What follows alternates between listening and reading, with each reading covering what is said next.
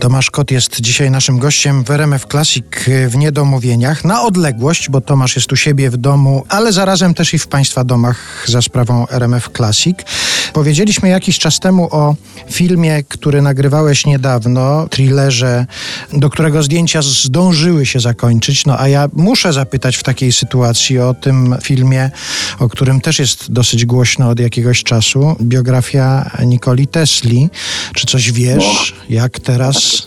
Oczywiście. Bardzo chętnie Ci opowiem, bo to są tak zwane cienie zawodowe. To był duży wstrząs dla mojej klatki piersiowej, bo po pierwszej rozmowie z Sanandem, z reżyserem, jeszcze byłem wtedy w LA, no pamiętam, że serce mi latało tak, że nie... Ponieważ już zdawałem sobie sprawę trochę z realiów tego, w czym jestem, tego, na co jest potencjalna szansa, bo przecież może to wszystko nie wyjść, nie wypalić, jakby to wszystko jest możliwe i ja raczej stąpam twardo po ziemi, więc, więc raczej się nie, nie odlatuję w te wszystkie oczekiwania. Ale pamiętam, że kiedy już rozmawiałem kiedy dostałem scenariusz, przeczytałem, kiedy usłyszałem tylko ty, oglądając Zimną Wojnę od połowy filmu, wiedziałem, że mogę przystąpić do realizacji, bo historia jest taka, że on miał scenariusz, miał tą ideę, ale stwierdził, że nie ma aktora, który będzie taki, że on sercem poczuje, że to jest on. Nie? I on mówi, że oglądając Zimną Wojnę po prostu zrozumiał, że wszystkie czynniki są idealne, jeśli chodzi o sytuację z Teslą. To znaczy, ja tak samo jak Tesla jestem z zewnątrz, jestem kimś obcym dla reszty. Mogę mówić twardym akcentem, jakby nie muszę o to walczyć, bo też o to chodzi po prostu, że on w sferze językowej jakby bardzo chciał. Oczywiście miałem ambicje, żeby się zacząć uczyć serbskiego akcentu i, i w tym celu też wykonałem już pewne kroki i tak dalej. Wszystko mu pasowało idealnie. Mówi, że jestem bardzo chudy, że jestem bardzo wysoki, że ja już tego nie mogę potwierdzić, ale on napisał również o przystojności i, że wszystkie te elementy mu pasują. I jest jakiś rodzaj melancholii, skrzywienia na mojej twarzy i to wszystko jest jakby i możliwości techniczne, aktorskie.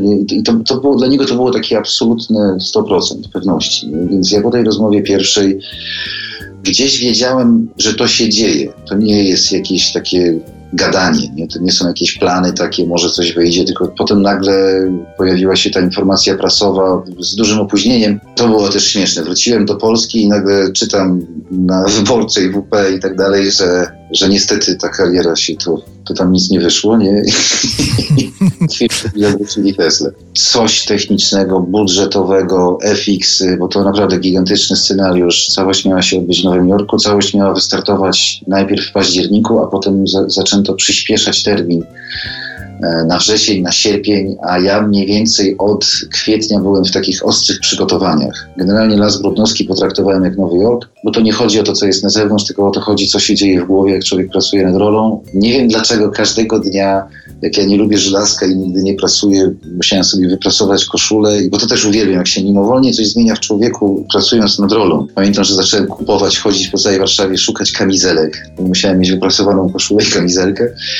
No i chodziłem tak po prostu po tym lasku brudnowskim z muzyką na uszach i cały czas gdzieś tam obrabiałem w głowie sceny ze scenariusza. Po dwóch miesiącach czułem się bardzo gotowy. W międzyczasie latałem do Londynu na próby, tam spotykałem innych aktorów, również znanych e, z obsady, mieliśmy próby i tak dalej, i tak dalej. To, to było naprawdę no, bajka. I w pewnym momencie coś tam się wydarzyło, ekipa nie do końca była gotowa, doszło do pierwszego przesunięcia, drugiego przesunięcia, w międzyczasie doszło do jakiegoś konfliktu. Tam też zaliczyłem takie rzeczy, po których nagle siadałem na ziemi i tak zastanawiałem się, jak ja dam radę, nie? Bo na przykład pamiętam, wracałem z Londynu po jakiejś próbie i, i taki Hiszpan, który tam pracował w tej firmie, mówi Tomek, super, że byłeś i tylko chcę ci powiedzieć, mnóstwo ludzi pokłada w tobie nadzieję życia, bo dla wielu ludzi to jest projekt życia. Mówię, dzięki stary, bardzo mi tu fajnie powiedziałeś. bardzo mi to pomoże. Więc oczywiście no, w tej chwili nie wiadomo, jak to będzie wyglądało, jak, jak to, no, bo wiadomo, co się dzieje, a mieliśmy o tym nie mówić. Reżyser mówi, że że doprowadzi do realizacji tego filmu w pierwszym możliwym terminie i, i, jakby ciągle wszystko jest aktualne. Tomasz Kot jest gościem Artura Andrusa w cyklu Niedomówienia bez wychodzenia w RMF Classic.